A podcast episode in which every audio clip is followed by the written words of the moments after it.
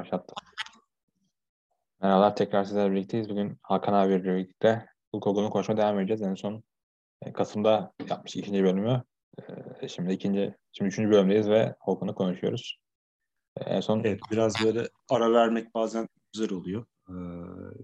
Şey arda arda yapınca biraz böyle suyu çıkıyor. Onun için böyle bir ara olması güzel oldu aslında.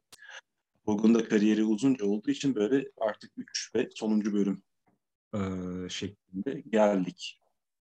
Son geldiğimiz yer şeydi. Artık böyle WCW'deki son günlerine geliyoruz. Yani kısa bir özet yapmak gerekirse e, 96'da bu NW hikayesiyle bayağı bir sükse yakalıyor. WWE'lerde WWF'i 3 hafta geride bırakıyor, şirket iyiye gidiyor falan derken e, WCW içerisinde gerek işte e, alınan kararlar olsun, e, hikayelerin gidişatı olsun yavaş yavaş bir ilgi azalmaya başlıyor. Artık bu geldiğimiz noktada son bahsettiğimiz Kevin Nash'le olan o ünlü Finger Poke of Doom dediğimiz işte Hogan ve Nash birbirine rakip olarak gösterilirken bir anda Hogan'ın parmağıyla dokunuyor. Nash yere yatıyor. İşte hepinizi kandırdık. İki NWO grubu tekrar birleşti falan diyerek kemer Hogan'a geçiyor. Ee, bundan sonra aslında WCW hikayesini çok fazla uzatmaya gerek yok. Çünkü bundan sonra böyle tam bir e, düşüş şeklinde W ve birçok kişi de bu finger poke of doom'u zaten e, İngilizce'deki deyimiyle tabuta çıkılan son çivi olarak görüyorlar. Bir bu görülür. E, bir de daha sonra e, olması gerek bu Ready to Rumble filmi vardır. Orada aktör David Arquette'e kemerin verilmesi o da en kötü anlardan biri olarak gösteriyor. Ama birçok kişi WCW'nun artık bittiği an olarak bu film olduğunu gösterir. Ve ondan sonra yine Hogan işte bu ana kemer mücadelelerinde olur. İşte kemer Flair'e geçer, Savage'e geçer tekrar. Kemer zaten bir ondan ona el değiştiriyor sürekli böyle. Hani. Ee, derken e, belki de artık nereye kadar gidebilirim? Ha 2000'li senelere geldiğimizde biraz böyle işte e, Zenginler Kulübü miydi ismi hatırlamıyorum da yani e, şeyin WCW'deki eski jenerasyonun yeni jenerasyon aslında hikayeler falan oluşuyor. Onun için birden bakarsınız böyle Hogan'ın yaptığı maçlarda Billy Kidman'la falan maçı vardır. Allah Allah ne alaka falan derseniz o hikayenin getirdiği bir şeydir bu. Çünkü stilleri çok farklı adamı görünce hani sorabilirsiniz niye böyle bir şey oldu. Ee, bu şekilde artık 2000 senesinin böyle ortalarına falan geliyoruz. En önemli olan artık Hogan'ın son görüleceği ve bir daha da WCW ekranlarına çıkmayacağı the Beach olayı vardır. Programında olan olaylar vardır. E, senin bu, mutlaka bir şeyler duymuşsundur. Senin yorumların vardır belki. İstiyorsan sen bir şeyler söyle burada. Ben de ben kendi duyduklarımı söyleyeyim. Çünkü bir yani, sonun anlattığı versiyonu var. Hogan'ın anlattığı versiyonu var. Bishop'un versiyonu var. Şeyin de var. E, Booker T'nin de var. Herkesin kendi versiyonu var. Yani Total Shit Show denilen bir olay evet. herhalde. Yani hiçbir evet. dokunmayan, yani profesyonel tamamen zarar veren mesela bazı güreşlerden bahsediliyor. Andrade olsun. İşte bu güreşler her zaman profesyonel güreşi korumuşlardır falan deniliyor. Ama bunu tamamıyla e, bir e, yabancılara işte gülme stoğu yani love, love stock dedi yani insanları tamamıyla e, aşağılayan bir olaydı ve yani herkes kendi anısından kendisini doğru çıkartmaya çalıştı açıkçası. Benim evet. Yani şey istiyorsan şöyle özetleyelim kimin ağzından nasıl oldu. Yani Russo'nun anlat, anlatış şekline baktığımızda Vince Russo burada Booker yazar vesaire önemli e, şeyleri var, rolleri var. İşte WWF'ten e, bahsetmiştik muhtemelen geçen şovumuzda geçmiş bir isim. Ee, hani e, güreşe kattığı güzel şeyler vardır. Bu Attitude Era'da önemli rol oynadığı düşünülüyor. Ee, takdir, benim takdir ettiğim yönlerinden biri örneğin kadrodaki herkese e, bir hikayenin bir parçası yapmaya çalışmak. Kimse böyle boşta kalmasın, kullanılmayan adam kalmasın gibi. Özellikle bunu WWF'de böyle 97'de falan hissediyorsunuz. Böyle herkes e, hikaye dahil kimse böyle boşta kalmıyor gibi. Ama işte birçok kişi de yani bu WWF'de yani Russo'nun bir şeyi vardı. Yani bir süzgeci vardı. En son kararlar hep Vince'den geçerdi. Onun için saçmalıkları e, ekrana yansımadı pense de aslında WWF'e baktığınız o edit döneminde çok saçma hikayeler de var. O apayrı bir Neyse WCW'ye o şeyle geliyor falan derken Russo'nun anlatışı yani Hogan'ın bu creative clause dediğimiz yani karakterini koruma şeyi kontratında böyle bir şey vardır. Benim karakterime zarar vereceğini düşünürsen bir hikayenin bir maç sonunun buna karşı çıkabilirim diye ve artık Hogan'ın politikaları e, benim maç e, ve program ayarlamamı imkansız bir hale getiriyordu diyor. O ve diyor ki Russo o gün yani Hogan'la işte Bishop'la vesaire ne yapabiliriz diye bir sonuca götürmeye çalışıyor.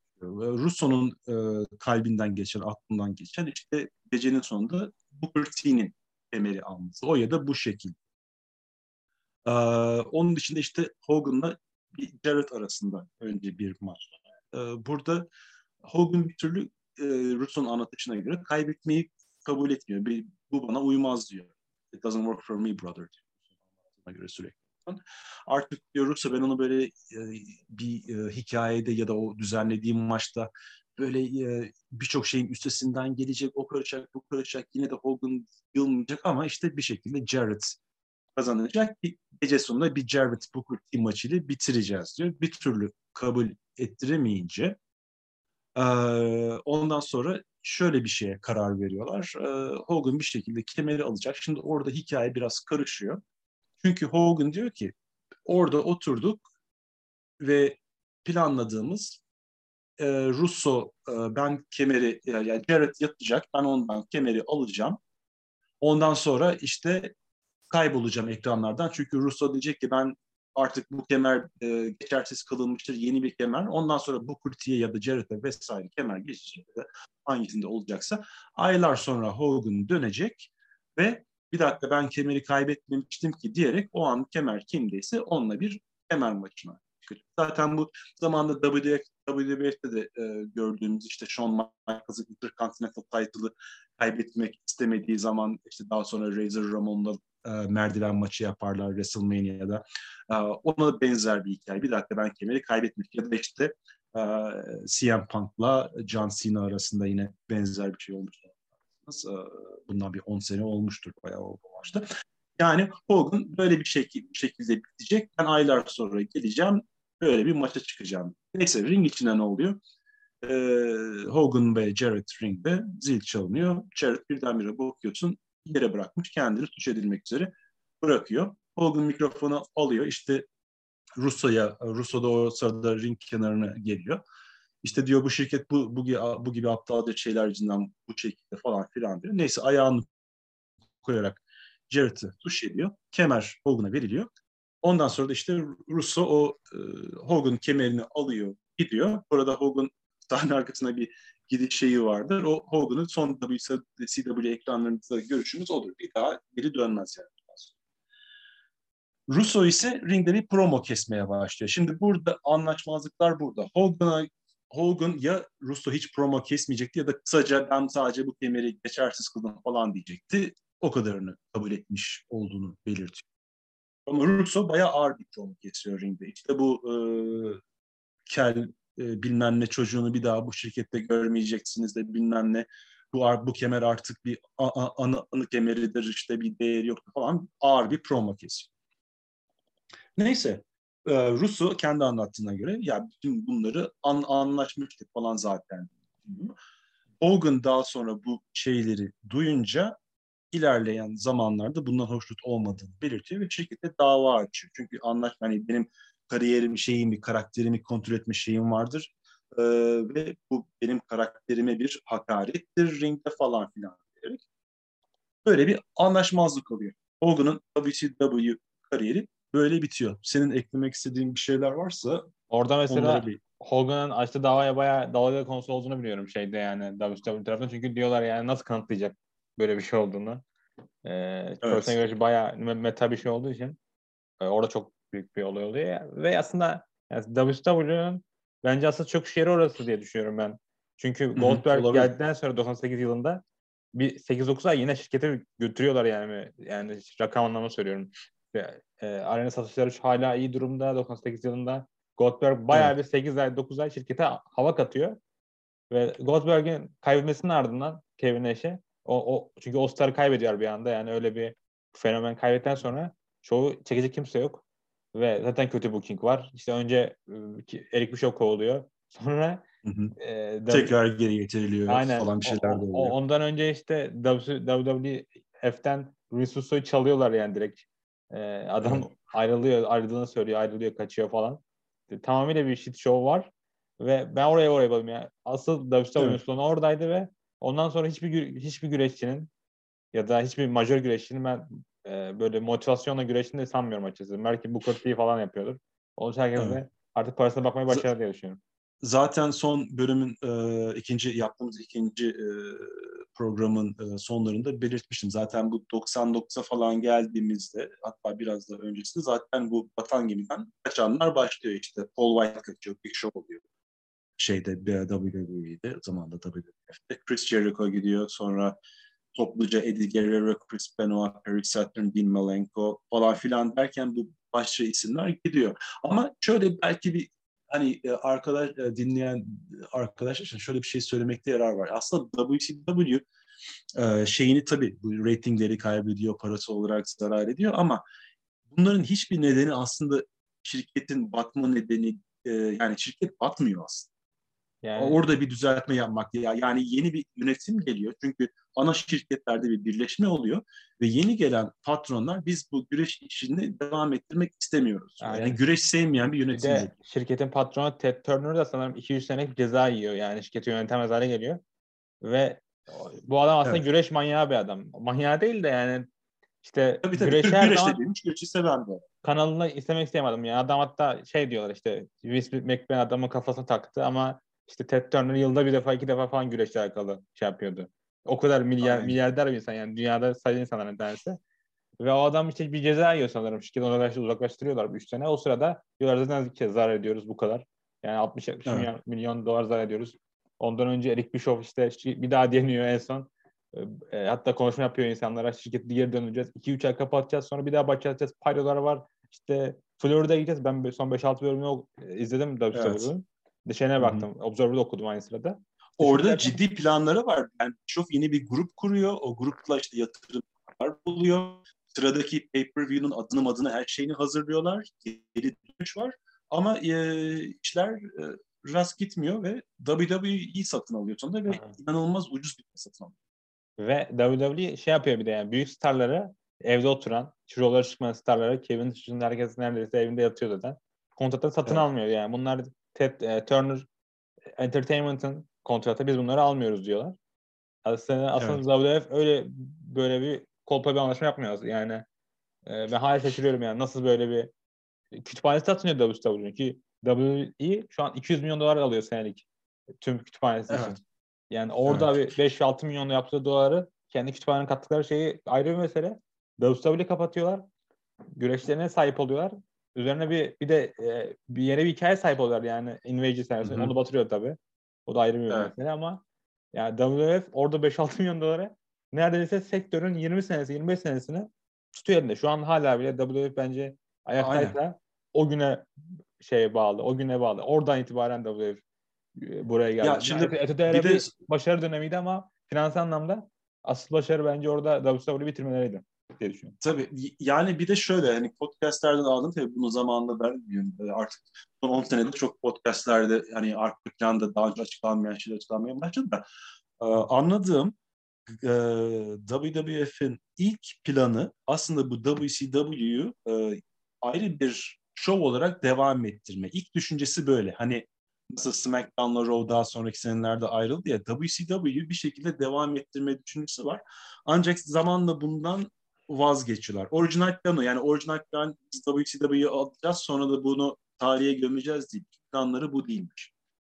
Ama e, her ne oluyorsa işte belki yeterince ilgi görmüyor. Hakikaten çünkü şöyle bir şey var. Şimdi biz tabii güreş geçmişine böyle bir tarihçi olarak bakıyoruz da yani o zaman e, WWF seyircisinin çoğu bu WCW'nun adamlarını çok iyi bilmiyor, takip etmiyor. Zaten buna en güzel örnek işte e, denemek için bir Booker ile getirdikleri Invasion zamanı öncesinden bahsediyorum.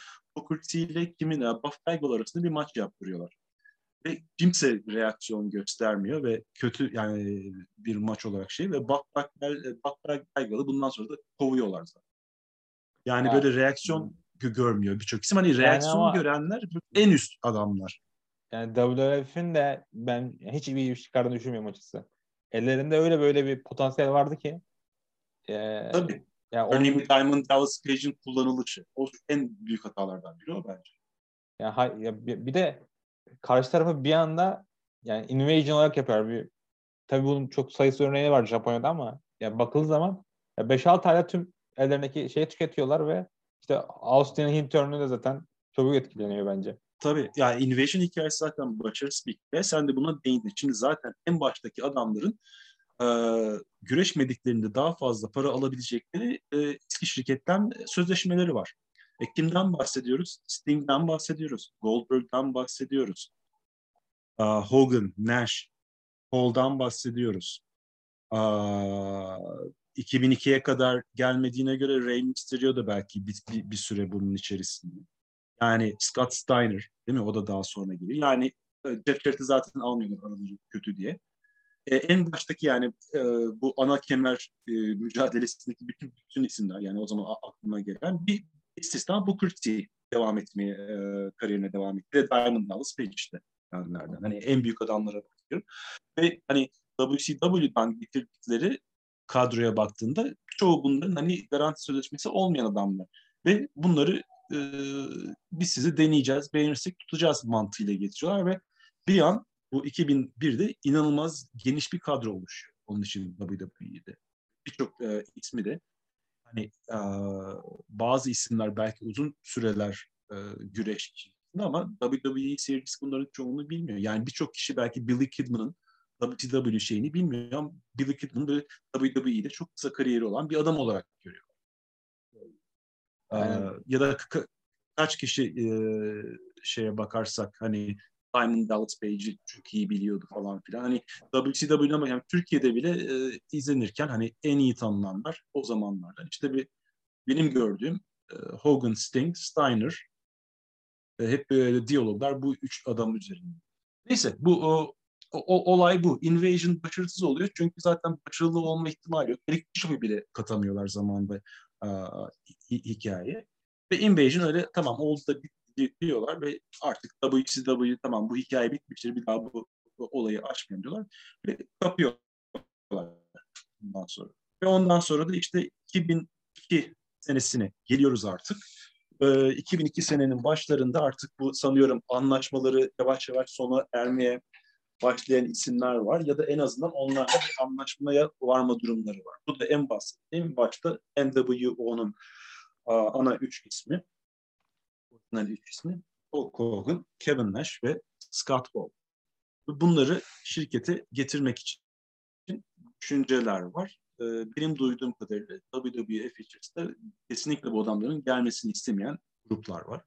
Evet, hatta e, nerede duydum hatırlamıyorum. Vince McMahon oylama yaptırıyor adamlar arasında. Yani gelsinler mi gelmesinler mi diye.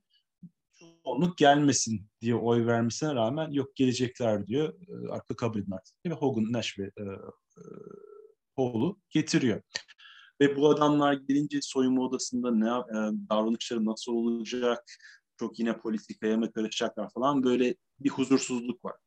İşte zamanında push alamadığı için Hogan'ı e, ya da bu adamları sevmeyenler zaman klik döneminde işte e, e, Nash ve Hall'un davranışlarını beğenmeyenler falan. Yani bu adamlar sorun diye bakan grup. Neyse ama sonuç olarak bunların getirileceği karar veriyor, e, karar veriliyor. Bu da e, WWE'de hikayeye nasıl e, bağlanıyor bunu kısaca bir hatırlamak e, yarar var. Hikayede e, Ric Flair ve e, Vince McMahon şirketin ortak sahibi durumuna geliyorlar vesaire. Onlar arasında bir çekişme var.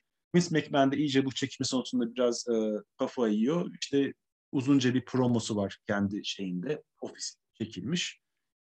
Benim başları böyle. Bu da benim tam böyle İngiltere'de tekrar böyle Raw, SmackDown falan canlı olarak, olarak izlemeye başladım.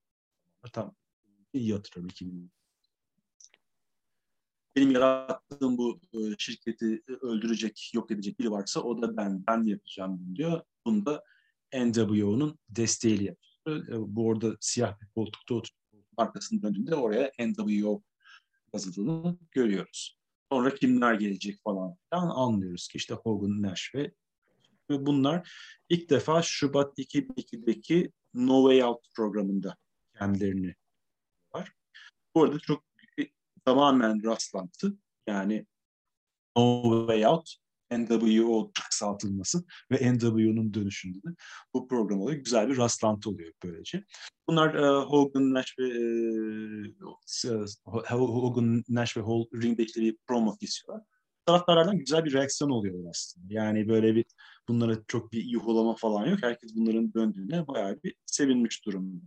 İlerleyen haftalarda bunlar işte hem Rock'la hem de Stone Cold Steve Austin'la belirli böyle hikayelerde zıtlaşmaya, çekişmelere girmeye başlıyorlar. Şimdi burada önemli bir noktaya geldik. Şimdi tam da artık Şubat'tayız. Ee, kısa bir süre sonra da WrestleMania var. Ee, şeye bakarsak Mart 17, No Way Out'ta Şubat'ta. Yani bundan bir ay sonra WrestleMania. WrestleMania kısa bir süre sonra. Bu adamlar kimlerle karşılaştırılacak? karşılaştırılacak. Ve ilk anladığım kadarıyla orijinal plan Hogan'ın Stone Cold Steve Austin'la maç yapması. Ama buna Austin karşı çıkıyor. Hatta kendisi daha sonraki röportajlarında bunu kabul ediyor. Kendisi istediği dillerinin uyuşmayacağını düşündüğü için falan söylüyor zamanda. Ya da belki Hogan'a gıcıklığı var. Biraz onunla karşı. Austin daha sonraki yani daha sonra değil mi 20 sene sonra yaptığı röportajlarda bunun aslında bir hata olduğunu düşünüyor. Hogan'la keşke yapsaydık diyor. Çünkü bir daha karşılaşma fırsatı da olmuyor maalesef. E bunun ha. üzerine yani, tabii buyurun. Austin'e Hall'u veriyorlar Scott ve Scott Hall'u sevmiyor çünkü e, çok sorunlu bir insan. Alkol evet. sorunu var zaten. E, WrestleMania öncesi gece gecesinde bile içtiğini falan görüyor. Çok sinirli. Aynen yani. Ee, böyle bir hikayeye su sokuluyorlar. İşte sen işte sana Hogan olmayınca işte öbür adamın sana vereceğiz. Aa, ve bu da zamanla Austin'ın şirketten ayrılmasına giden yolun bir parçası olarak görülür. Şimdi Austin zaten sıkıntılı bir dönemde. Fiziksel sıkıntıları var, psikolojik sıkıntıları var. İşte eşiyle boşanma olayları falan filan var.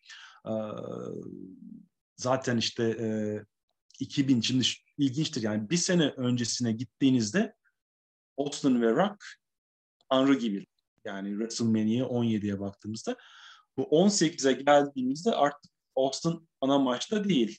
Hall'la karşılaşıyor ve e, bu arada Hogan Rock da ana maç değil. Ana maç şey Triple H. Direkt arasındaki maç. Ama yani önemli bir maç olarak bile gözük gözükmüyor bu Hall'la yapılacak. Bilmiyorum burada biraz Austin'ın suçu diyebilirim. Hogan'la maçı kabul etseydi belki bir de Austin'e kaybetmelerini istiyorlar. Çünkü Hogan Rock'a kaybedecek. İşte NW'yi çok düşük göstermeyelim diye. Aynen. Ee, o işte ilk başlarda şey yapıyor yani kabul ediyor ama en sonunda kabul etmiyor çünkü biliyor yani e, Hall hatta WrestleMania günü değiştirmiyor. Yani, anne Hall üzerine batıracak yani ve kaybetmesinin bir anlamı yok Hall'a. Austin ona bakan evet. bir adam yani. Austin hatta işte Brock Lesnar'la Raw'da kaybetmeye böyle e, reddedip yani şirkette ayrılan bir adam yani çok kendi koruyan bir insan o zamanlarda. O da evet. isim vermiyor ve aynı zamanda da yani şey söylentiler de var hep arkalarında işte insanlar dizilerini gibi sevmiyorlar çünkü e, işte Kevin Nash falan hepsi yaşlı gözüküyorlar. Yani şirketin aslında beklediği bir şey değil bu. Döndükleri zaman Hı-hı. 2002'de e, döndükleri zaman e, bir endişe oluyor açıkçası herkese de. Evet. Şimdi tabii zaman biraz değişti. Hani geçen seferle biraz bahsetmiş ol- olabiliriz. Şimdi o dönemde bu adamlara yaşlı olarak bakıyoruz ama şu an WWE kadrosunda hakikaten iyi iş çıkaran aynı yaşlarda adamlar olabiliyor. Biraz zamanlar değişti. Yani eskiden hakikaten böyle çünkü şeyden başlıyor. Yani 90'ların ortasında WWF artık yeni jenerasyon falan diyor. Ki o zaman daha böyle 40 yaşında olan ya da 38-39 yaşında olan adamlara bile yaşlısınız siz diyor WCW'ye gittiğinde. Onları eski yani, jenerasyon diyor. 40 yaşında. Aynen yani. Vince McMahon 40 yaşında bir kişi öldürüyor. Zaman, o zamanlar da şöyle bir durum var. Ee, bir güreş yani güreşlerin çoğu kısmı e, arkadan da kokain çekmeleri olsun e, hayat şey kullanmayı kendine hiç bakmıyor. Şu anki güreşlere bakın zaman hepsi aile yaşamı. Çok çoğu, fark var tabii. Aile yaşamı evet. var. Yani e, çoğu zaten arkalanda iyi durumdalar. Herkes biliyor. Evet. AW bile haftada bir gün çalışıyorlar. Ya, o zamanki bakıyorsun Hogan işte hafta yılda 400 gün çalışıyor falan diyor. Tabii abartıyor ama kendini görüyorlar ve insanlar Tabii yani örneğin olmak zorundalar yani. Yoksa biliyorlar puşlamayacaklarını. Bir baskı var herkese. Aynen. Örneğin hani yaşını hatırlamak için baktım da e, CM Punk örneğin 78 doğumlu. 44 yaşında şu an. Evet yani e, hayatında içki hiç içmemiş ve e, uyuşturucu kullanmamış bir CM Punk'la hani o aynı yaştaki bir Scott Hall'u karşılaştırmak çok farklı değil mi? Yani e, şeyi değişti, zaman değişti. Yani hakikaten e, bunu biraz bahsetmiştik. Güreş şeyi değişti, sahne arkası değişti. Yani bu bugün güreş e, e, soyunma odasında adamlar video oyunu falan oynuyor. Eskiden birbirlerinin burnunu falan koparıyorlardı kavgalarda. Yani farklı bir e, şey değil, endüstri değişti. Hatta e, Taker buna benzer bir şey söylemeye çalıştı ilk böyle röportaj verdiğinde. Bu emekli olduktan sonra biliyorsun e, bir seri röportajlar vermeye başladı. E, orada biraz tepki aldı. Yani bugünün güreşi, güreşçileri daha yumuşak falan öyle bir şeyler söyleyince yanlış anlaşıldı. Hani etkisi kadar bizimki ama yani endüstrinin endüstrideki sertliğin azaldığını anlatmaya çalışıyordu. Orada. Taker o Joe Rogan röportajında yani e, bayağı röportajın %70'inde sakatlıklar hakkında konuştu. Yani bayağı tıp, tıp, tıptan konuştu. En sonunda da onlara girişti. Taker şey anlamda sevilmiyor biraz. Bu Blue Lives Matter akımına destek verdiği için bir antipati var. O yüzden oradan kesildi aslında. Yani evet. oradan vurdular onu. Tabii Taker old school yani. Ee, neyse şimdi olaya gelirsek Hogan tamam böyle bir işte hikaye kötü adam olarak bunlar kötü adam olarak karşımıza getiriyorlar e, getiriliyor Enderby ve kötü şeyler yapıyorlar işte e, şeyi e, Rock'a e, çekişle vuruyor onu kamyon kamyonuyla ezmeye çalışıyor falan bilmem ne.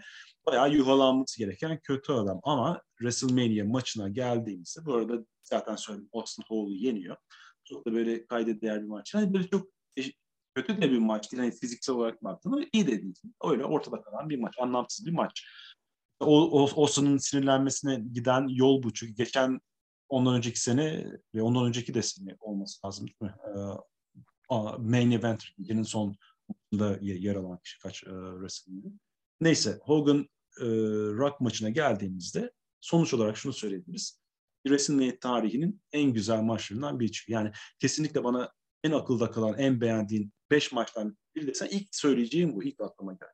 Neden? Ha, ringdeki mücadele güzel. Onda bir şey yok. Hani çok böyle süper değil. Ama e, duygu çok duygu yüklü ve hikaye çok iyi ve seyirci reaksiyonu.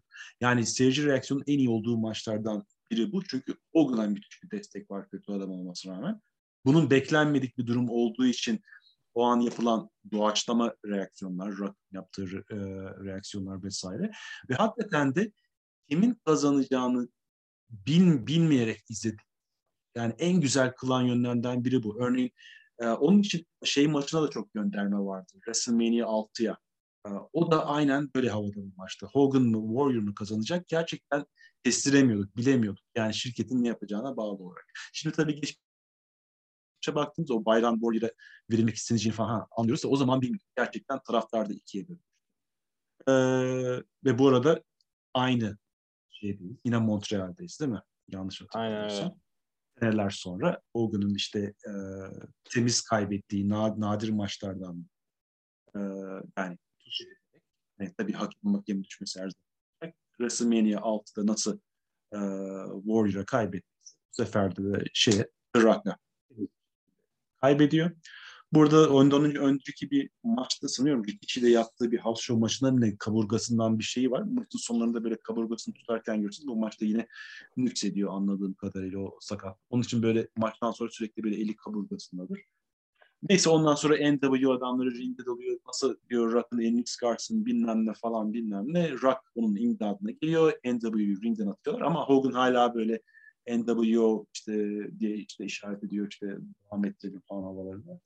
Hogan ringden çıkmak isterken Rock olmaz diyor. insanlar senin poz vermeni bekliyor. işte ben de diyor. Çünkü ondan öncesi bir e, zaten Raw'da bir orada güzel promo hani Rock'ın ona meydan okumuşu. Diyor ki yani ben de bir Hogan taraftarıydım. E, hepimiz seni severdik falan.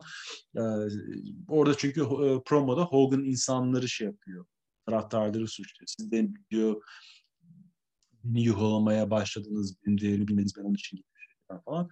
İşte Rock e, ona meydan okuyor. Zaten maç öyle oldu. Yani aslında bu gecenin son maçı değil ama kesinlikle gecenin en önemli. E, kemer maçında Triple H'te geri dönen sakattan dönüp Royal Rumble'ı kazanan şey işte e, Chris Jericho'yu yenerek kemeri alıyor ve bundan sonra zaten bir pat pat pat diye böyle bir kemer el değişimleri yaşıyoruz.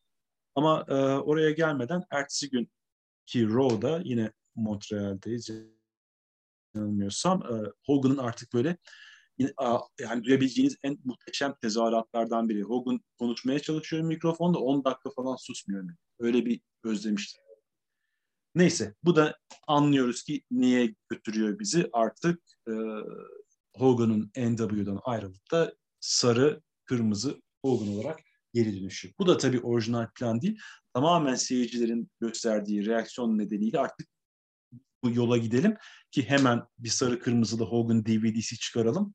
Hemen şey yapalım. O, o, o mantıkla. Yani biraz bu şey sıcakken değerini bilelim. Strike while the iron is hot. Yani demir kızgınken vurulur diye bir deyim var İngilizce'de.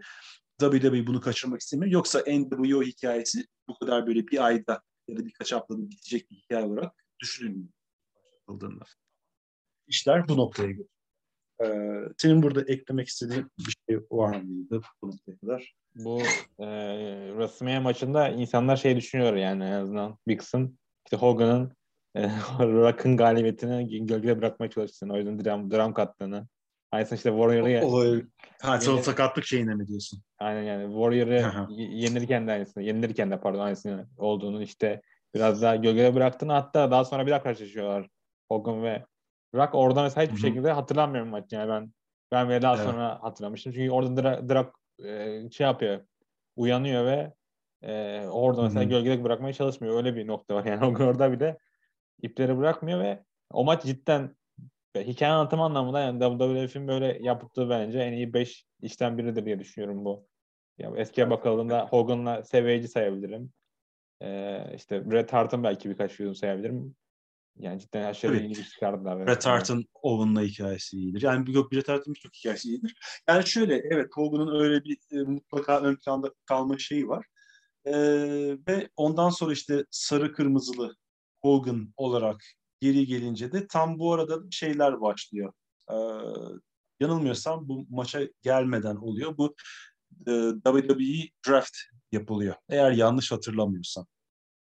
Ee, evet çünkü daha Hogan şampiyon olmadan diye hatırlıyorum. Neyse yani bu zamanlarda bir SmackDown Raw ayrımı olacak. Hogan da SmackDown'a gidecek. Ama ondan önce işte Triple H yeni şampiyonumuz. Kemerle, kemer için onunla kim karşılaşacak? Bunu tamamen Vince McMahon karar veriyor. Hatta bir promo geçiyor. Ya Raw'da ya SmackDown'da hangisini hatırlayamıyorum. Ben diyor insanların e, ne istediğini onlardan daha iyi biliyorum zaten diyor. Triple H ile Backlash'le karşılaşacak kişi Hulk Hogan olacak diyor. E, ve hikayede de buna küçük kapanlardan e, ha, daha sonraki noktaya geliriz. Undertaker falan filan var. Neyse e, iki isim Backlash'te karşılaşıyorlar. Ee, çok güzel bir maç değil. Hani e, e, pek e, övebileceğim bir, bir maç değil. Ama işte Hogan tekrar yani maça karışanlar var. Chris Jericho karışıyor, Undertaker karışıyor falan filan. Ama en azından ertesi gün Hogan'ı e, kemeri tutarak şampiyon olarak görme şansımız oluyor.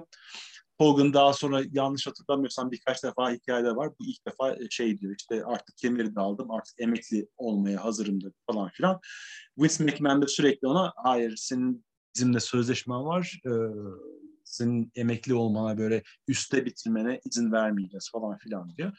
İşte ondan sonra Undertaker'la Judgment Day'de karşılaştıkları e, şey, e, belli oluyor. Bir ay sonra, e, bir ay sonra kemer bu sefer de Undertaker. Yani ne oldu? Mart'ta Chris Jericho'dan Triple H'e geçiyor. Nisan'da Triple H'den Hogan'a geçiyor kemer. Mayıs'ta da e, Hogan'dan geçiyor. Undertaker geçiyor. Daha sonraki sürede de işte Rock'a geçecek bilmem ne. Yani bu 2002'de kemer çok hızlı geçti.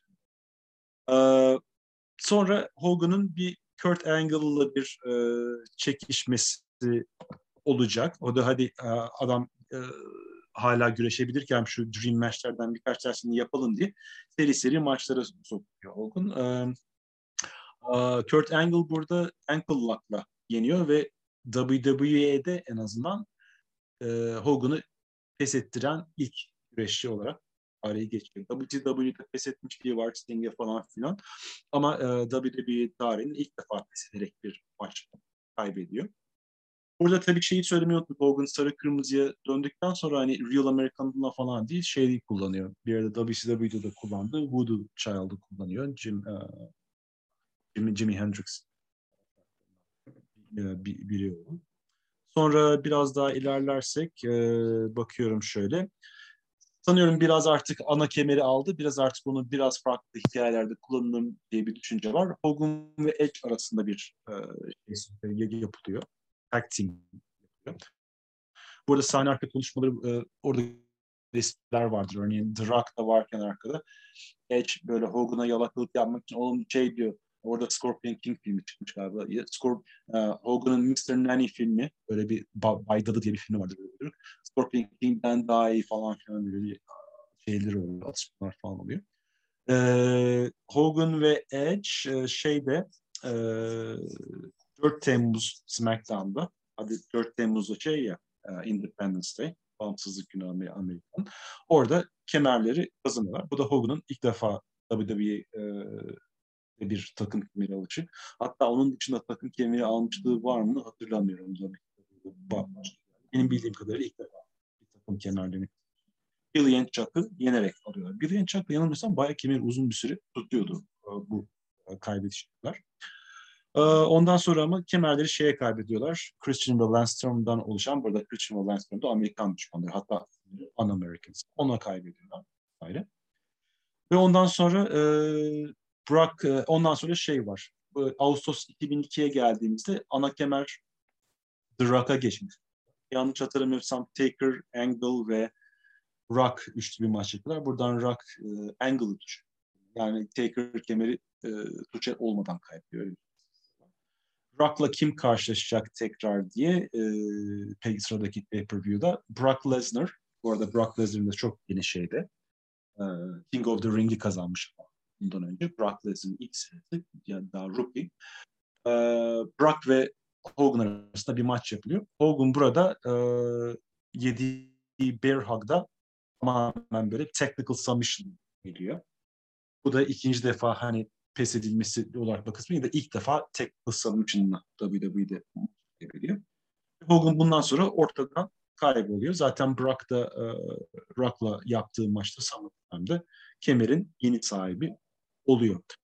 Hogan bundan sonra e, 2003'ün başlarına kadar zaten ortada yok. E, burada tam arka planda neler oluyor çok emin değilim. Sakatlığı mı var yoksa para konusunda anlaşamadığı için mi bir süre uzaklaşıyor. Ama yani e, ne kadar kaç ay uzak kaldığına bakarsak e, şeye bakıyorum. Yani en az Tem Ağustos'tan Eylül, Ekim, Kasım, Aralık, Ocak Şubat. Yani bir 6 ay falan yok orada. Şimdi orada ne oldu onu çok iyi bilmiyorum. Ama sonunda döndüğünde The Rock'la bir rövanş maçları ayarlanıyor. No Way Out'ta. Bu sefer Rock tam uh, heel durumunda. Hatta müziği falan giriş videosu tamamen böyle heel şekilde ayarlanıyor. Hogan da tam artık sarı kırmızı bir hatta sakallarının siyahlarını kesmiş durumda. Uh, burada da e, bu maçtaki sonuç bizi WrestleMania'daki olacak şeye götürecek. E, ne oluyor burada? İşte Hogan e, Rock'a e, kaybediyor. Çünkü tam böyle tuşa gittiği an birden arenada elektrikler kesiliyor, ışıklar gidiyor. Işıklar geri geldiğinde e, şey e, tam hatırlamıyorum. Sanıyorum hakem yerde yatıyor falan numarası çekiyor. Ondan sonra neyse bunun sonucunda bir karmaşa oluyor ve Hogan kaybediyor. Ondan sonra Vince McMahon belirliyor. Aa nasıl oldu bu falan gibisi elleriyle hareketler e, yapıyor. Halbuki bunun Vince McMahon ayarladığını anlıyoruz ve bu bizi bir Vince McMahon ve Hogan arasındaki bir maça götürüyor. Ee, Vince McMahon işte 20 senedir beklenen ya da 25 senedir beklenen olay falan diye böyle e, öyle bir dans ediyor. Ve hakikaten de kötü bir maç da değildir. Yani Vince'in güreşme yeteneği çok az olmasına rağmen e, gerek Hogan'la yaptığı, daha sonra Michaels'la yaptığı e, WrestleMania maçları aslında yani izlemeye değer güzel maçlardır. Hogan burada Vince McMahon'i yeniyor. Bu maçta e, bu maçı izlemenizi öneririm. Yani WrestleMania'daki WrestleMania 19'daki bir maç. Yani güzel komik anları vardır. Roddy Piper'ın e, ortaya çıkışı falan filan vardır. E, daha sonra yine bir süre böyle bir ayrı kalıyor ya da işte şey, Will McMahon onu böyle bir atmak mı istiyor tam o hikayenin o kısımlarını hatırlamıyorum. Bir süre kayboluyor, bir hikaye kayboluyor. Ondan sonra hikayede şey e, Mr. America diye bir güreşçi varmış. Hemen böyle Raw mu bunu kapacak, SmackDown mu kapacak.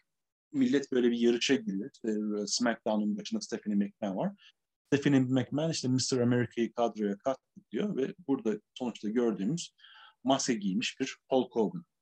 Bu tabii eski bir hikayedir. E, eskiden şey yapılırdı. Örneğin e, federasyon bir güreşçinin e, bir güreşçiyi işten atar ya da işte onun güreşmesini yasaklar.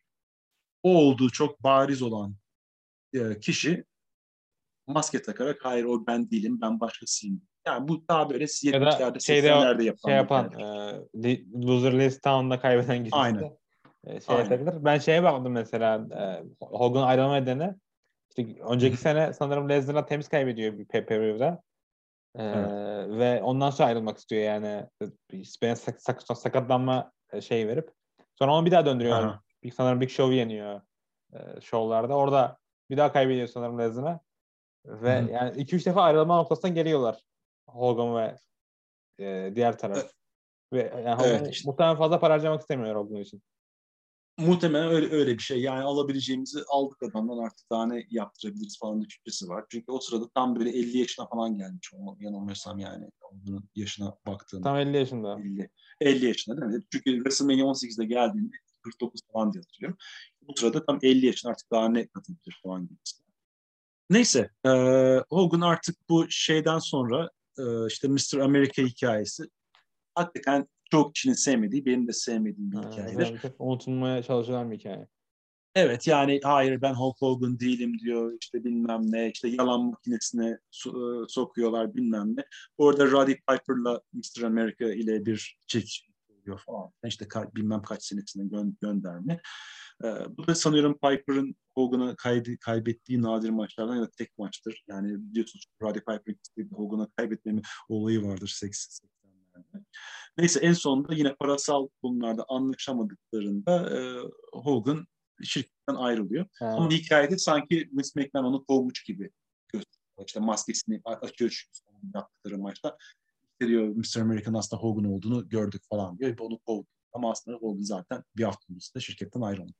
Hogan, Hogan sonra işte bir radyo programına çıkıyor işte diyor orada mesela şey şu an buldum mesela full script'ini e, 26 Hı-hı.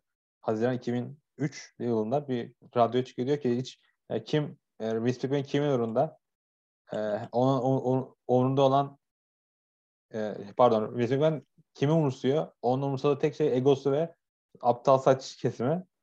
E, daha fazla para kazanamıyor diyor Vince McMahon için. Ben ben ve Hogan pardon, ben ve e, Angle ve Stuart Garden'daydık. Lesnar da oradaydı. Big Show da oradaydı. Ve ben ne zaman geldiğimde her şey değişti yani herkes ayağa kalktı. Mr. Amerika lige girdiğinde e, işte herkes şey oldu işte bu refreshing to, to see diyor. Herkes bir anda kendisine geldi diyor. Diyor ben bu bu sektör 1978'den beri tepesindeyim. Ee, benim işte en büyük hedefim da, benim son noktam WWE değil diyor. Benim en büyük hedefim Vince McMahon'ı şey yenmek diyor. Sana promo kesiyor yani burada. 100 yıl sonra diyor. Evet herkes beni daha çok atacak ondan diyor. Evet. Olabilir. Bakalım. Ya sonra işte hakikaten öyle bir anlaşmazlık olunca artık ama Hogan biliyorsunuz yani sürekli bir para bir yerden gelmeli düşüncesi var. Bir e, Japonya'da bir New Japan'da bir maçı yani, çıktı. Tono'ya göre hiç iyi bir maç değildir bence. İzlemedim ama tahmin evet. edebiliyorum. Yani, normalde Japon güreşleri yani şeklinde olur ama güreşteki kişi Chono e, şey zamanı yani artık fiziken düştüğü zaman ve New Japan biraz daha nasıl düşüşe geçtiği dönem. Yani güreşlerin peş peşe ayrıldığı dönem yani. Bir sene öncesinde mesela New Japan'de Muto falan kaybediyor bir şirketin. Şirket diğer yandan güreşlerini şey yolluyorlar. MMA'ye yolluyorlar. Orada direkt devamlı kaybediyor MMA'cilerde. O da şirket, kötü bir şey. Yani şirketin bir anda şey bitiyor yani. Popülerliği azalma durumunda ve çoğu da şirketin son büyük adamı. O, o, o riskli bir şey güreşçini MMA'ye falan göndermek. Çünkü evet. örneğin şey bir örnek Mark Henry'ye örnek gösterebilirim. Mark Henry biliyorsunuz World Strongest Man, dünyanın en güçlü adamı. Çünkü hakikaten o Strongman yarışmalarına katılıyor ve kazanıyor. Ama bunu WWE kadrosundayken yapıyor ve Vince McMahon diyor ki bak eğer kazanmayacaksan ikinci olarak falan dönersen seni işten çıkarırız diyor. Çünkü dünyanın en güçlü ikinci adamını istemiyoruz biz diyor. Yani bunu kazanacaksan katıl diyor. Evet. Hakikaten bu gibi şeyler riskli. Örneğin e, başka neyi gösterebiliriz?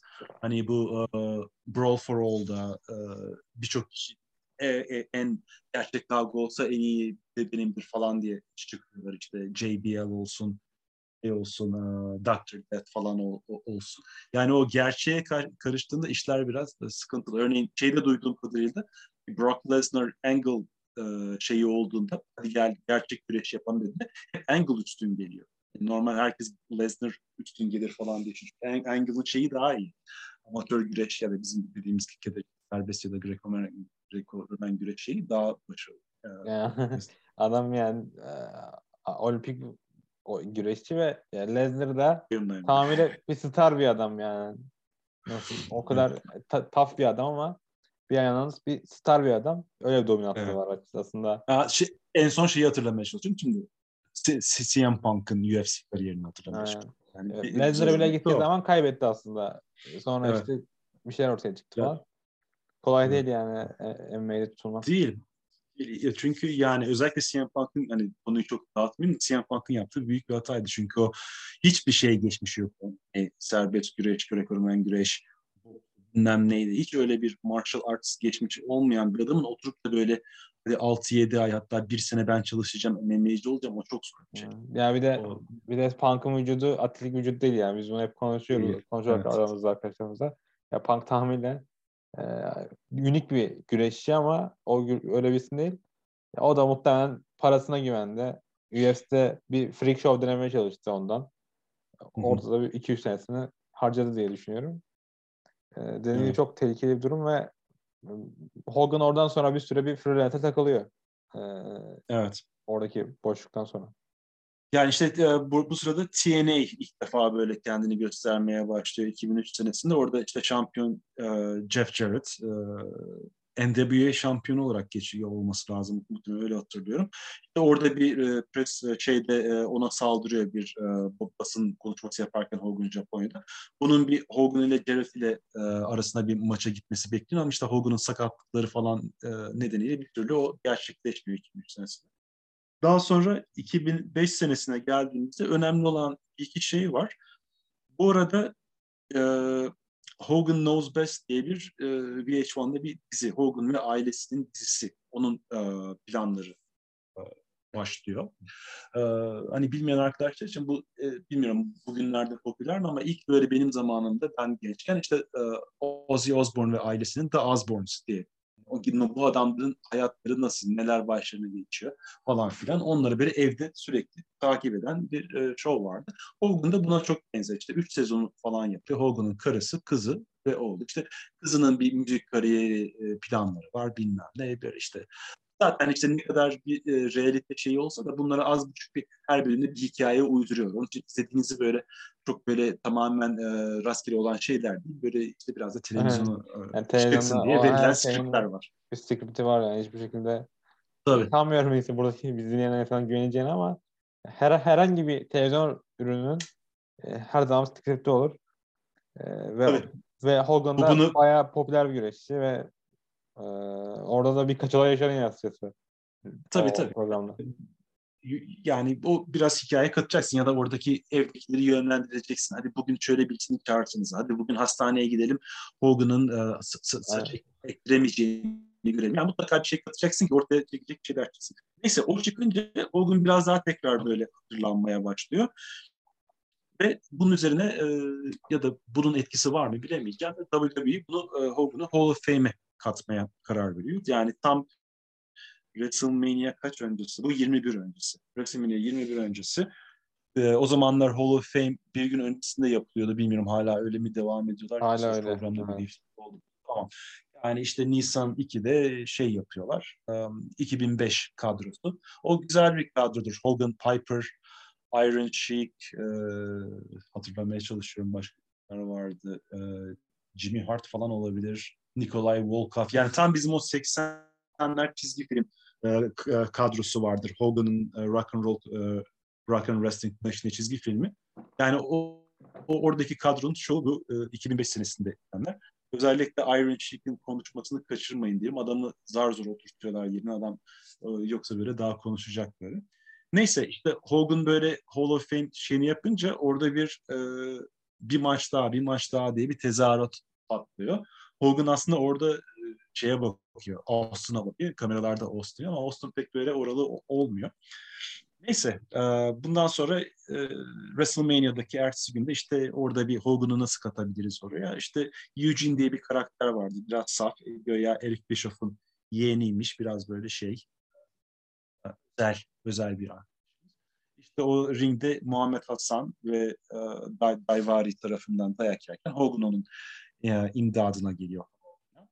Bu zaten bu şeylerde bu Hogan Knows Best dizisinin ilk e, sezonunda kullanılıyor bütün bu görüntüler falan. Neyse ondan sonraki sene e, şeyde Raw'da bir sonraki Raw'da da işte bu sefer yine bu Hasan'la Daivari Shawn Michaels'a e, saldırıyorlar falan filan. İşte böyle bir Hogan e, ve Michaels ortaklığı doğuyor, e, doğuyor bunun sonucu. Backlash'te e, Hogan ve Michaels takım oluyor. Hasan ve Daivari yeniyorlar. Bundan bir süre sonra bu sefer e, Temmuz 4'te yine benzer e, yine Hogan kendini gösteriyor. 4 Temmuz'da yine kendini gösterecek. Yine olaya Shawn Michaels karışıyor. Hogan'ı kurtarıyor falan filan. O gece e, Hogan ve Michaels yine takım oluyorlar. Carlito ve Angle'ı bir maçında yeniyorlar. İşte kutlamalar yapıyorlar. İşte 4 Temmuz falan derken Michaels e, Hogan'ın suratına bir Sweet Chin, e, Sweet Chin müzik geçiriyor. Tekmeyi geçiriyor. Hogan yığılıyor, kalıyor. Neden yapıldı bu falan diye işte bir sonraki hafta bunu açıklıyor Michaels. Ben hiç Hogan'la birebir karşılaşmadım. En iyinin kim olduğunu görmek istiyorum falan filan diyor. Hogan da ondan sonraki hafta falan. Ve bütün bunlar bizi SummerSlam'de bir maça götürüyor. Şimdi o maçı mutlaka izleyin derim. Komikliği nedeniyle. Çünkü olay şu. Benim anladığım kadarıyla birkaç plan var. İşte üç maç yaparız falan diyorlar. İşte ilki SummerSlam'da olur ondan sonraki falan filan. Onu kaybetmek istemiyor açıkçası. evet birini evet, ben kazanırım birini sen kazan. Bir türlü anlaşamıyorlar.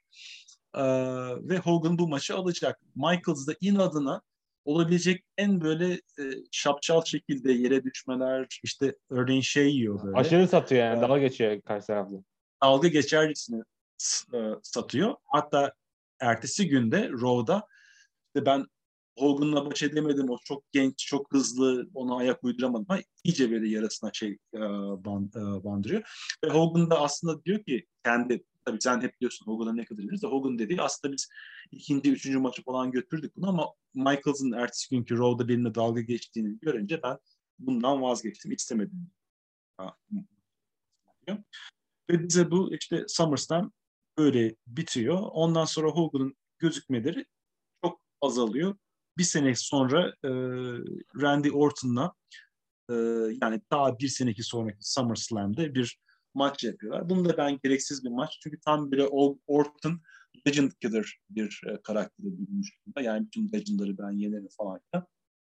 Hogan bir maçlığına geliyor. Orton'un içini zorlanmadan bitiriyor. Bunu gereksiz bir maç olarak görüyorum. Yani bu Hogan, Michaels'la falan Michaels'la bir üç maçlık bir seri halinde bitirseydi WWE karakteri şeyini, kariyerini çok güzel olurdu ama e, bilmiyorum yani Hogan'ın hani en güzel bitirme noktası hani WrestleMania 19 Vince'le falan yaptığı bir maçta bitebilirdi. O aradaki maçların bir kısmı da güzel değil. Onu kabul ediyorum ama WrestleMania 19 güzel bir bitirme anı olabilirdi. Yani bu güreşi tadında bitirmek önem, önemli. Hani e, Undertaker bundan bayağı sıkıntı yaşadı. Hep işte en kötü e, yani hep güzel bir maçla bitireceğim dedi. Hep maçları kötü falan filan. Michaels hata yaptı. Yani çok güzel bir noktada bırakmışken git Arabistan'da maçta yer aldı falan. Bakalım Triple H nasıl bitirecek. Yani bu e, güzel bitirmek önemli. Işte. Evet, Triple H'in çok güreşebileceği gözükmüyor ama Evet. Evet, evet Triple H, e, yani mutlaka bir, bir maç daha yapacaktır artık diye düşünüyorum. Yani bitirme maçı. Yoksa yani, son maçı Batista ile olan maçı mı? Muhtemelen. muhtemelen. Evet. O da, o da o bir iyi son olabilir. Yani bu, noktada Hogan WWE şey kariyeri yani güreşçi olarak WWE'deki kariyeri böyle bitiyor. Ee, hani kayda değer hangi maçları izleyelim bu döndüğü e, zaman derseniz yani Rock'la maçını izleyin derim mutlaka. Ee, bir de Vince McMahon'la. Yani iki WrestleMania maçı iyi. Diğer maçlarını ben e, ya bir de Rock'la rövanş maçı e, ne olduğunu görmek için, nasıl yaptığını görmek için. Rock'ın orada buna dalga nasıl geçtiğini e, görmek için. Player'la yani, maçı var mıydı yoksa? Hangisi? Player'la bir TV'de maçı vardı hatırlıyorum. Ee... Aa, olabilir yani o o kadar önemsiz de herhalde ki aklımda kalmadı bir Flair'le yaptığı maç. Mr. American maçlarının hiçbirini izlemiyorum. Ee, onu de, de, değinmez. Age takım olduğu maçlar olabilir. Ona evet o da o da çok çok çok değinmez. Ee, ondan sonra artık geri kalanı biraz kısaca özetleriz. Ee, biraz toparlamak için ama olan önemli olan ne? Ee, TNA bayağı böyle bir sükse yakalamaya başlıyor bir noktada hatırlıyorsunuz. E, Kurt Angle'ı falan katıyor kadrosuna işte e, WWE'den gidenler artık böyle ikinci bir yuva bulmaları başlıyor. E, ama işte bir türlü tam böyle Raw'la, tam böyle WWE ile yarışacak kıvama gelmek istiyoruz diyorlar. Ve belki de yaptıkları en hatalı kararlardan birini verip Hogan'ı ve Eric Bishop Erik çok daha çok böyle kamera e, kişisi yani arka planda verdiği bir karar yok ama Hogan geldikten sonra TNA bayağı bir değişime geçiyor. Bir kere altı taraflı, altı e, tarafı olan ringi dört taraflı ringi döndürüyorlar. Bunu bundan hoşlananlar var, hoşlanmayanlar var. Örneğin AJ Styles şey diyor, ben altılıyı beğeniyordum diyor. Sting ise hiç alışamamış. Örneğin ben dört taraflı ringe döndüğümüzde sevinmiştim falan diyor. Farklı kararlar var.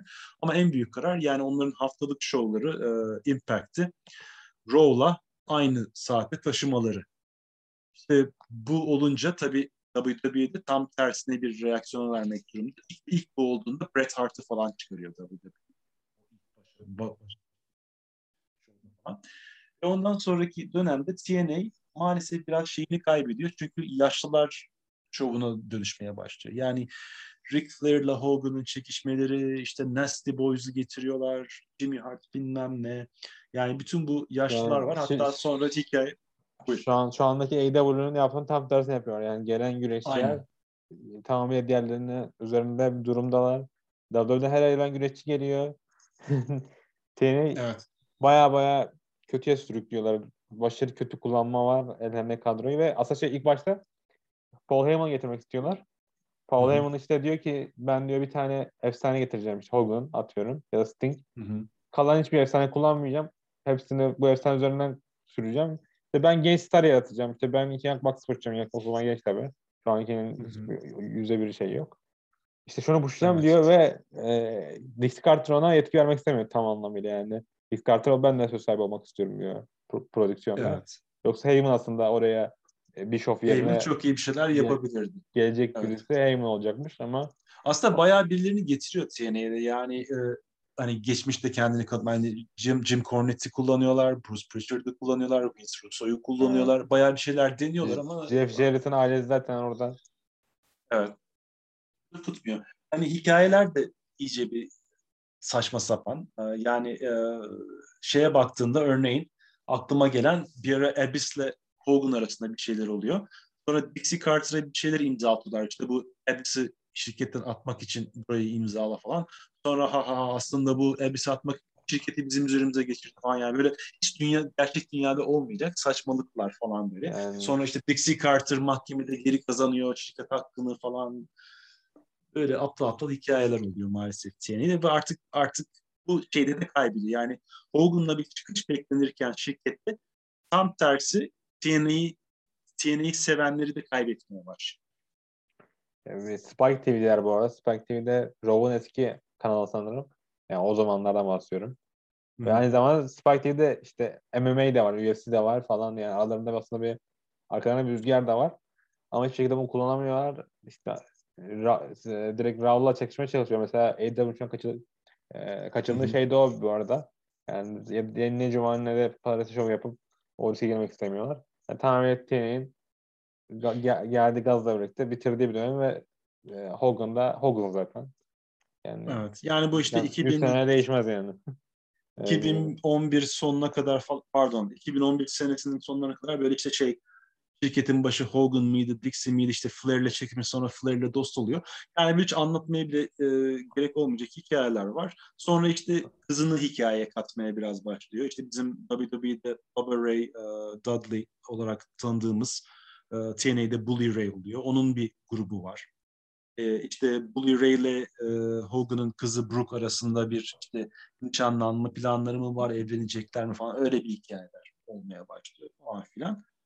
Ee, işte 2013'e kadar böyle bir hikayeler var. Şimdi yani o noktadan sonra TNA o kadar bir duruma geldi ki yani ben 2008-2009'da Aa, TNA'de de neler olacak falan diye böyle en azından bir pay-per-view sonuçlarına bakarken bu dönemlerde hiç bakmıyordum bile artık. Yani TNA böyle çok raydan çıkmıştı. Artık yani izlenmeyecek bir duruma gelmiş bir federasyon olarak bakmaya başlıyordum. Ondan sonra da yani Hogan'ı daha çok son senelerde e, nelerle hatırlı, hatırlayacağım. Yani işte WrestleMania'larda işte guest e, sunucu falan filan olarak. Ee, 2015'teki e, skandalları var. Bu arada ben şey arada bölmedim yani bu e, Hogan Knows Best programında aslında Hogan'ın seks kasetini çekiyorlar. E, Neyi çekiyorlar? Seks kasetini çekiyorlar Hogan'ın. Ha o Hogan'a... sırada mı oluyor? Aynen. Evet o doğru. Çünkü seneler sonra ortaya çıkıyor aslında. Evet. Yani o sırada çekiyorlar ve o da çok karmaşık bir hikaye. Yani Hogan oradan sonra evet. onu yayınlarsa dava açıp 200 milyon dolar tazminat alıyor. Yani de tahsil evet. edebiliyor mu bilmiyorum çünkü zor bir şu, şu, şu, şu, şu bakımdan karmaşık diyorum. Çünkü daha geçen gün Netflix olan arkadaşlar şey söyleyeyim.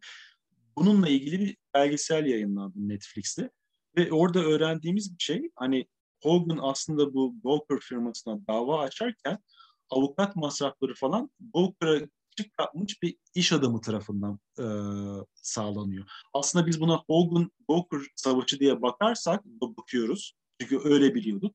Hogan'ın açtı dava ama Hogan'ın e, dava açmasını falan destekleyen arka planda bayağı bir milyoner bir Amerikalı bir şey var. Bir iş, iş adamı var. Zamanında e, Gawker onun işte eşcinsel olduğunu falan ortaya çıkaran bir yazı yapmış. Onlara bir gıcıklığı var. Bu Gawker'ı işten e, yok etmeye çalışan bir şey var. Onu da yeni öğrendim. Yeni bir Netflix'te bulabiliriz. Hogan falan diye yazarsanız muhtemelen çıkacaktır. Şu an hatırlamıyorum. Ve dediğin gibi işte seks skandalı olayı var. O seks skandalı olayında da şöyle bir şey var.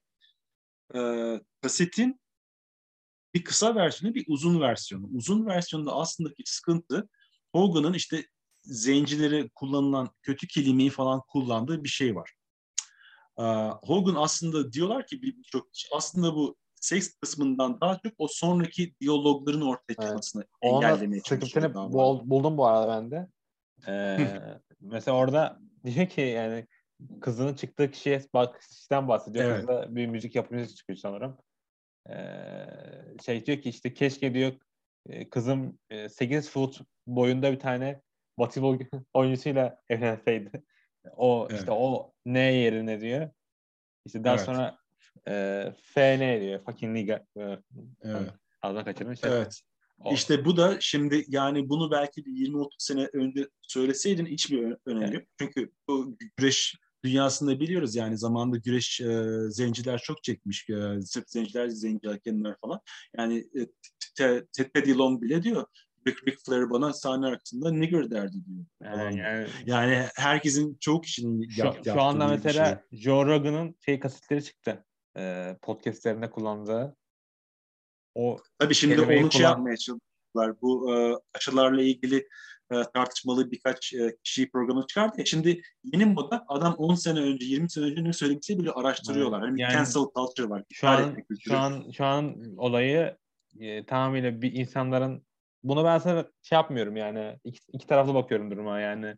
Hı hı. E, ben direkt işte bir tarafa suçlamıyorum. Yani evet. Rogan'a karşı bir şey oluyor mesela. Hogan'a Hogan diyorum. Draken da şey tweetini buldu. E, Trump'ın çocuğu. İşte Draken e, işte translara karşı kullandığı bir şey kelimesi. T ile başlayan. O var, kelimesi. Ya, var bak o, o o var. Örneğin daha geçen hafta e, Brian Kendrick'tan maça çıkacak. Yani, o, o zaten iptal edildi. O majör olay yani. O adam evet. e, Amerika sabahıyla David Pixapian diye bir gazeteci var. Adam Amerikan sabahıyla 2013'teki High Spot diye bir kanal var. Oradaki bir oradaki bir şeyi bulup internette yayınladı ve adamın akşam maç çıkması engelledi. Adam evet, da 2017'de yani, sanırım özür dilemiş yani yaptığından ötürü.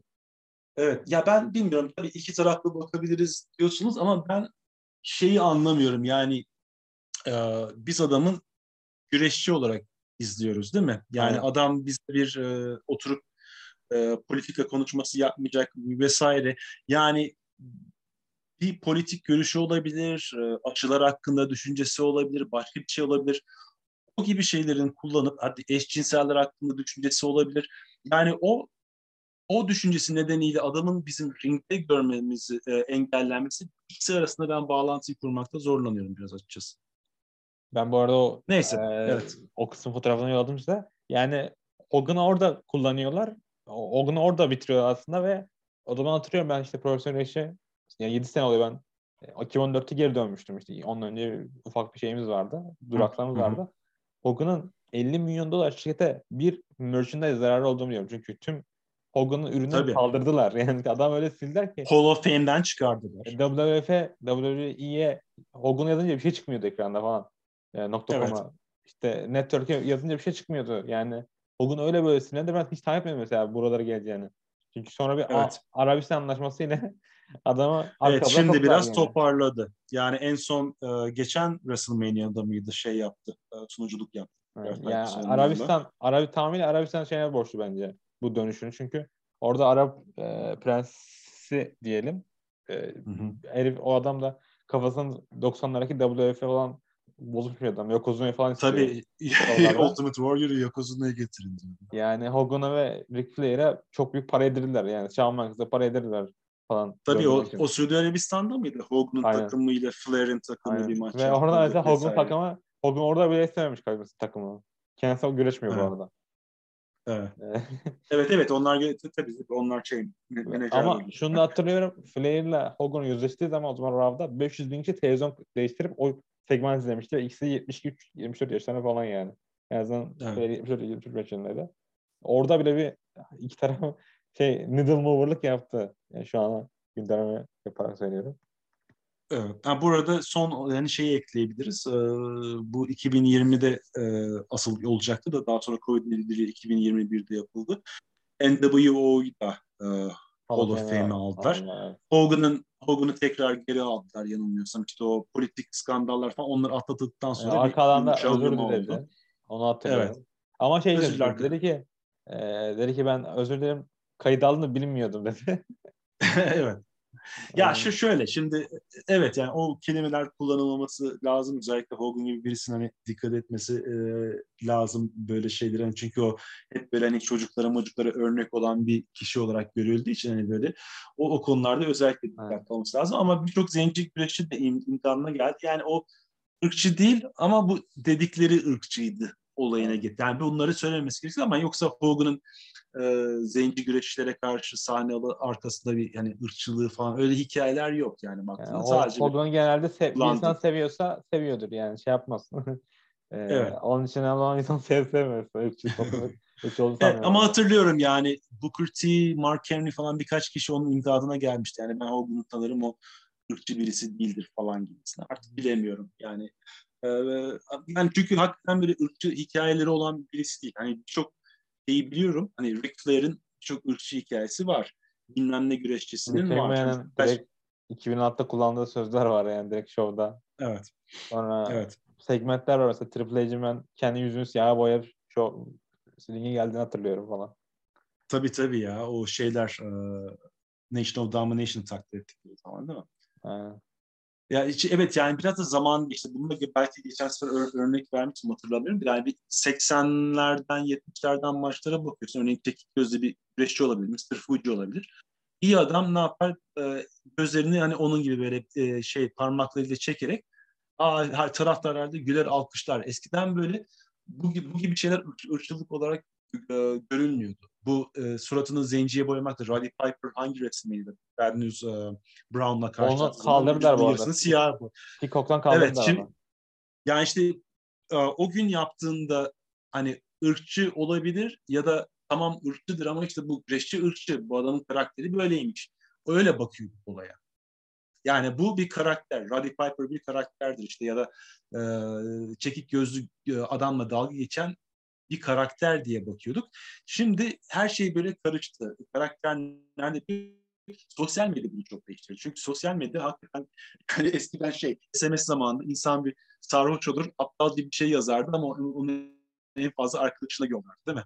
Aptalca bir SMS yollardın sarhoşken falan. Şimdi bir sarhoşken bir tweet atarsın, Instagram'a bir şey yaparsın, yanlış bir resim çekersin. Çok tehlikeli bir şey oldu bu aptal aptal olma internet. Öyle ama yani insanların da o, o insanların görmediği bir şey var. Ya arka alanlarda ya da işte sohbetlerde öyle şeyler dönüyor ki yani günlük Tabii hayatımızda. Ki. Hiçbir Tabii. o sadece orada bir imaj aslında. Yani tabii, tabii. Keşke yani... yani keşke gerçekten hepimiz böyle iyi insanlar olsak da e, böyle kötü kötü şeyler düşünmesek, kötü kötü şeyler söylemesek. Ama öyle değil yani hiçbir şekilde. O sadece evet, yani sırf, olarak kalıyor.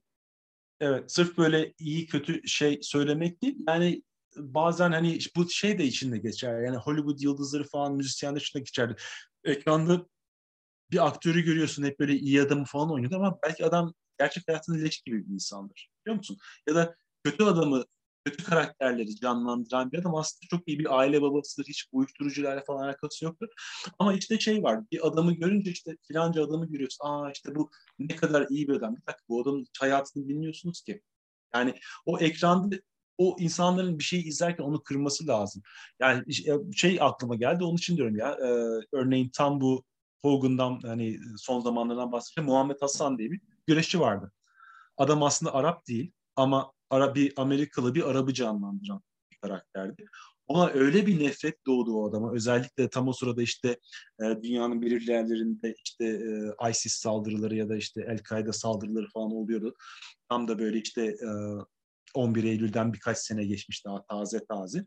Yani o adamın güreş kariyerini bitirdi. Arap bir karakteri canlandırıyor olması. Yani belki o, başka bir karakteri canlandırsa. Yani tabii tabii o Türk. Orada şirkete sordu bence tamamen, yani. Şirketin orada evet, ko- tamamen a, a, evet ana ana ana kemere giden bir adam. Kesinlikle ana kemere. Orada şirketin kovmayıp atıyorum 2-3 ay televizyondan çekip sonra bir yeni karakterle şey gibi Sar, Sargent Slaughter gibi yeni bir karakterle dönmesi lazımdı. Aynen. Ya da çıkacaktı birkaç hafta sonra ben Arap değilim diyecekti. Hmm. Karakterini böyle bir tepki toplayacaktı yani. falan. Ama Yapılabilirdi işte, yani çocuğun kariyerine yazık. Bir şekilde evet. Şey hatırlıyorum evet. o zamanlardan. TNA işte WWE'de takımlar şampiyon olan bir güreşçinin fotoğrafını gösteriyordu seyirciler arasında. WWE son adamı kovuyordu. Yani bu şey um, Highlanders.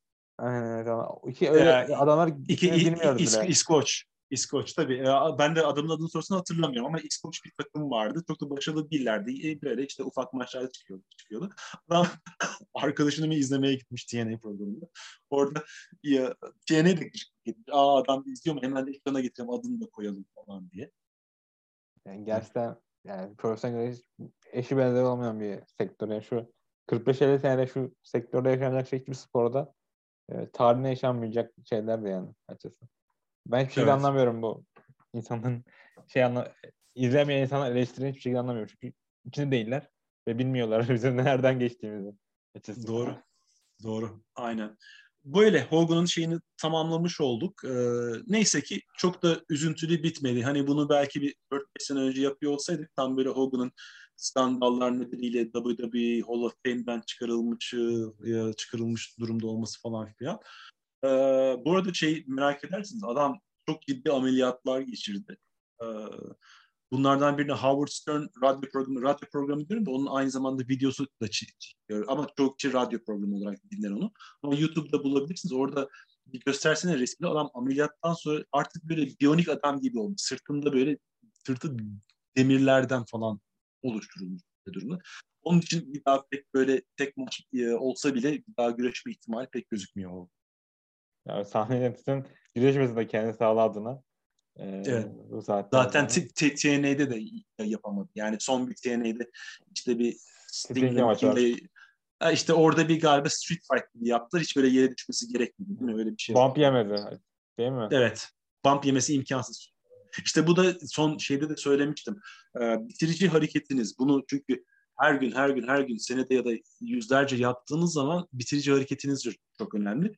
Geçenlerde Randy Orton da aynısını söylüyor. Örneğin keşke diyor RKO bitirici hareketi olarak kullanmasaydı. Çünkü adam her yaptığı sırtının üzerine kıçının üzerine düşüyor. Ha, Hogan da aynı İki eliyle yapıyor mesela şu an.